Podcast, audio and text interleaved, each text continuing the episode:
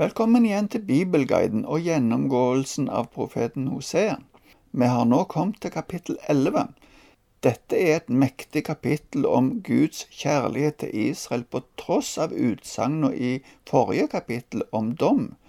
Først blir det sett tilbake på den tida som hadde gått før, i de første fire versene, så kommer et avsnitt fra vers 5 til 7 som viser nåtida, og til slutt beskrives den tida som skal komme fra vers 8 til 11.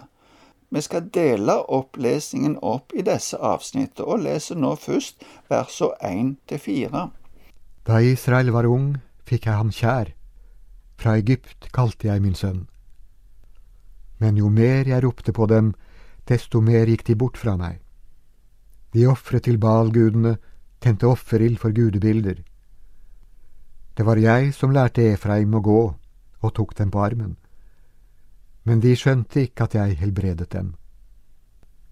Jeg dro dem med menneskebånd, med kjærlighetstau. Jeg var like en som løfter et spedbarn opp til kinnet. Jeg bøyde meg ned og ga dem mat. I det første verset her kommer et utsagn som Matteus henter fram i kapittel 2 og anvender på Jesus.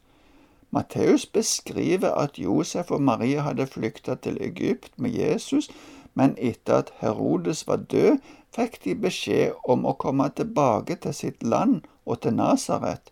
Da sier Matteus at det skjedde for å oppfylle det profeten hadde sagt. I denne sammenhengen hos Hosea er det en beskrivelse av at Gud hadde frelst Israel ifra slaveriet i Egypt, men Gud kalte Israel for sin sønn. Allerede Israels stamfar Abraham ble kalt for Guds venn. Gud viste en spesiell kjærlighet til dette folket helt ifra den tida. Men Gud kalte og ropte, som det står i teksten her, på folket hele tida. Men folket vendte seg bort ifra Herren og til avgudsdyrkelse. De ofra til Baal-gudene. Det står i flertall fordi det var gudebilder for Baal flere plasser. Det var jo litt underlig at de skulle tilbe Baal, for det var jo guden til de folka som hadde blitt beseira. Gud var der som en far hele tida. Han hjalp de når det kom vanskelige ting på for de, men de forsto ikke at det var han som hjalp de og helbreda de, som teksten vår sier. Gud beskytta de på mange måter, og det gjør han fremdeles med de som er hans barn. I det siste verset beskrives hvordan Gud som en god far løfter barnet opp og holder det nær inntil kinnet sitt for å vise sin varme og kjærlighet. Dessuten bøyer han seg ned for å gi dem mat. En av de konkrete måtene Gud gjorde det på, var da han i ørkenen ga Israel manna og òg kjøtt i et par anledninger. Seinere velsigna Gud landet slik at det bar god frukt. I min tanke dukker det òg opp at Jesus sa at han er livets brød. Det var han som kom ned fra himmelen for å gi verden mat og liv. Han bøyde seg ned, han ga avkall på det å være Gud lik og fornedre seg sjøl for å bli et menneske og for å kunne hjelpe oss. Gud hadde behandla Israel med menneskebånd og kjærlighetens tau ikke tunge åk som en legger på dyra. Men Israel hadde vært utakknemlige og ulydige. Derfor skjer det nå en forandring, og det leser vi om i det neste avsnittet fra vers fem til sju. De skal ikke vende tilbake til Egypt, men Assur skal være deres konge, for de nektet å vende om. Sverdet skal rase i byene deres, bryte bommene i stykker og ete om seg på grunn av planene deres. Folket mitt henger fast ved sitt frafall fra meg. De roper sammen til ham som er i det høye, men han reiser dem ikke opp. Den gode, kjærlige og forsiktige behandlingen Israel hadde fått tidligere, må nå endres, men Gud vil ikke sende dem tilbake til Egypt, til det fangenskapet de var i der. I stedet er det Assur som skal være deres konge. De må i fangenskap der, og slett fordi de henger fast ved sitt frafall. Gud hadde ved hjelp av profetene mange ganger kalt de tilbake, men de ville ikke vende om. Før fangenskapet ville de òg bli plaga av sverdet.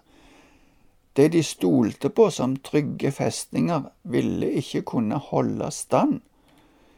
Dette kan vi òg tenke på i overført betydning og gjeldende for oss. Alle våre festningsverk og alt som vi stoler på, vil ikke hjelpe oss. Hvis vi ikke følger Guds kall, må vi ta konsekvensen av det. Fordi folket hang fast ved sitt frafall ifra den gudsdyrkelsen som de hadde blitt opplært i fra de var på Sinai, så var det ikke lenger noen vei tilbake. Men sjøl i denne situasjonen hører vi at Gud har en inderlig kjærlighet til Israel, det ser vi i fortsettelsen. Vi skal nå lese resten av kapittelet fra vers 8 til 11. Hvordan kan jeg oppgi deg, Efraim, overgi deg, Israel? Hvordan kan jeg oppgi deg som Adma, gjøre med deg som Seboim? Hjertet vender seg i meg, all min medlidenhet våkner. Jeg vil ikke følge min brennende vrede, ikke ødelegge Efraim en gang til. For jeg er Gud, og ikke et menneske, hellig midt iblant dere. Jeg vil ikke komme med redsel. Herren skal de følge, som en løve skal han brøle. Når han brøler, skal hans barn komme skjelvende fra vest.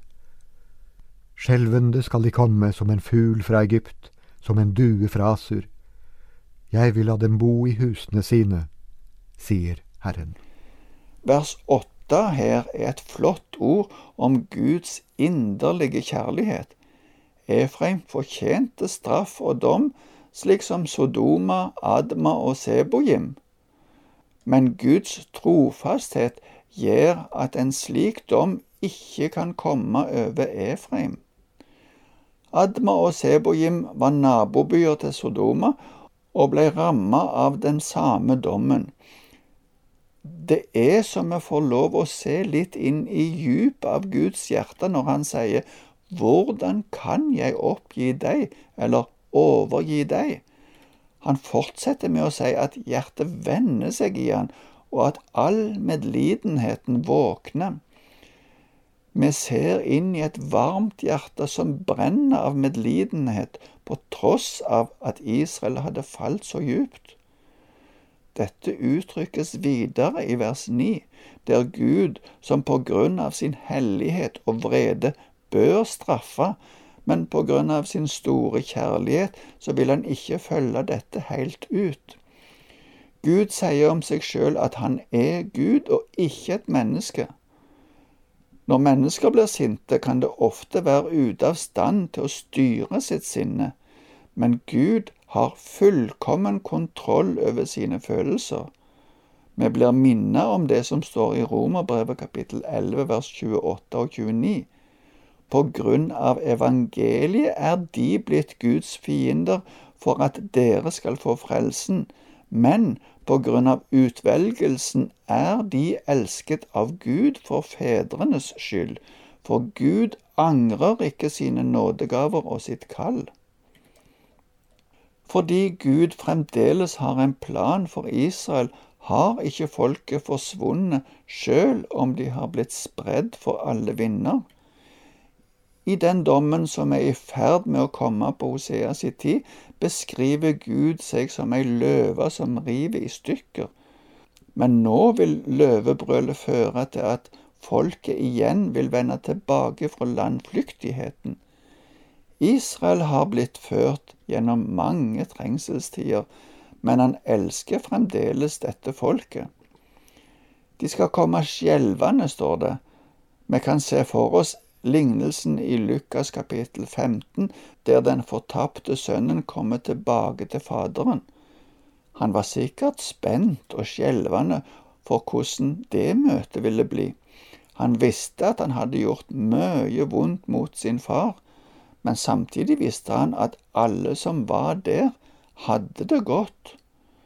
De skal komme fra alle kanter. Fra vest står det i denne oversettelsen, og i noen andre oversettelser står det at de kommer fra havet.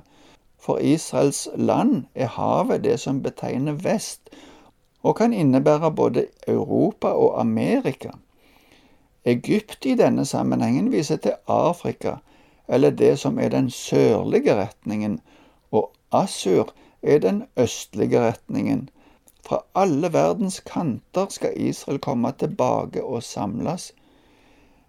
Det er vel det som har skjedd nå etter andre verdenskrig, men det som gjenstår, er fremdeles det at de søker Gud helhjertet og godtar Hans frelse. Kanskje noen av disse tankene blir sett på som spekulasjoner, og derfor skal jeg ikke legge ut mer om det her og nå, men la oss i alle fall se på Guds uendelige kjærlighet. Kanskje et glimt av denne kjærligheten ifra Gud kan føre til at det òg i oss blir tent en kjærlighet som uttrykker det at vi elsker fordi Han elsker oss først, slik som det står i Johannes første brev kapittel 4 vers 19. Så må vi si takk for i dag, og Herren velsigne deg.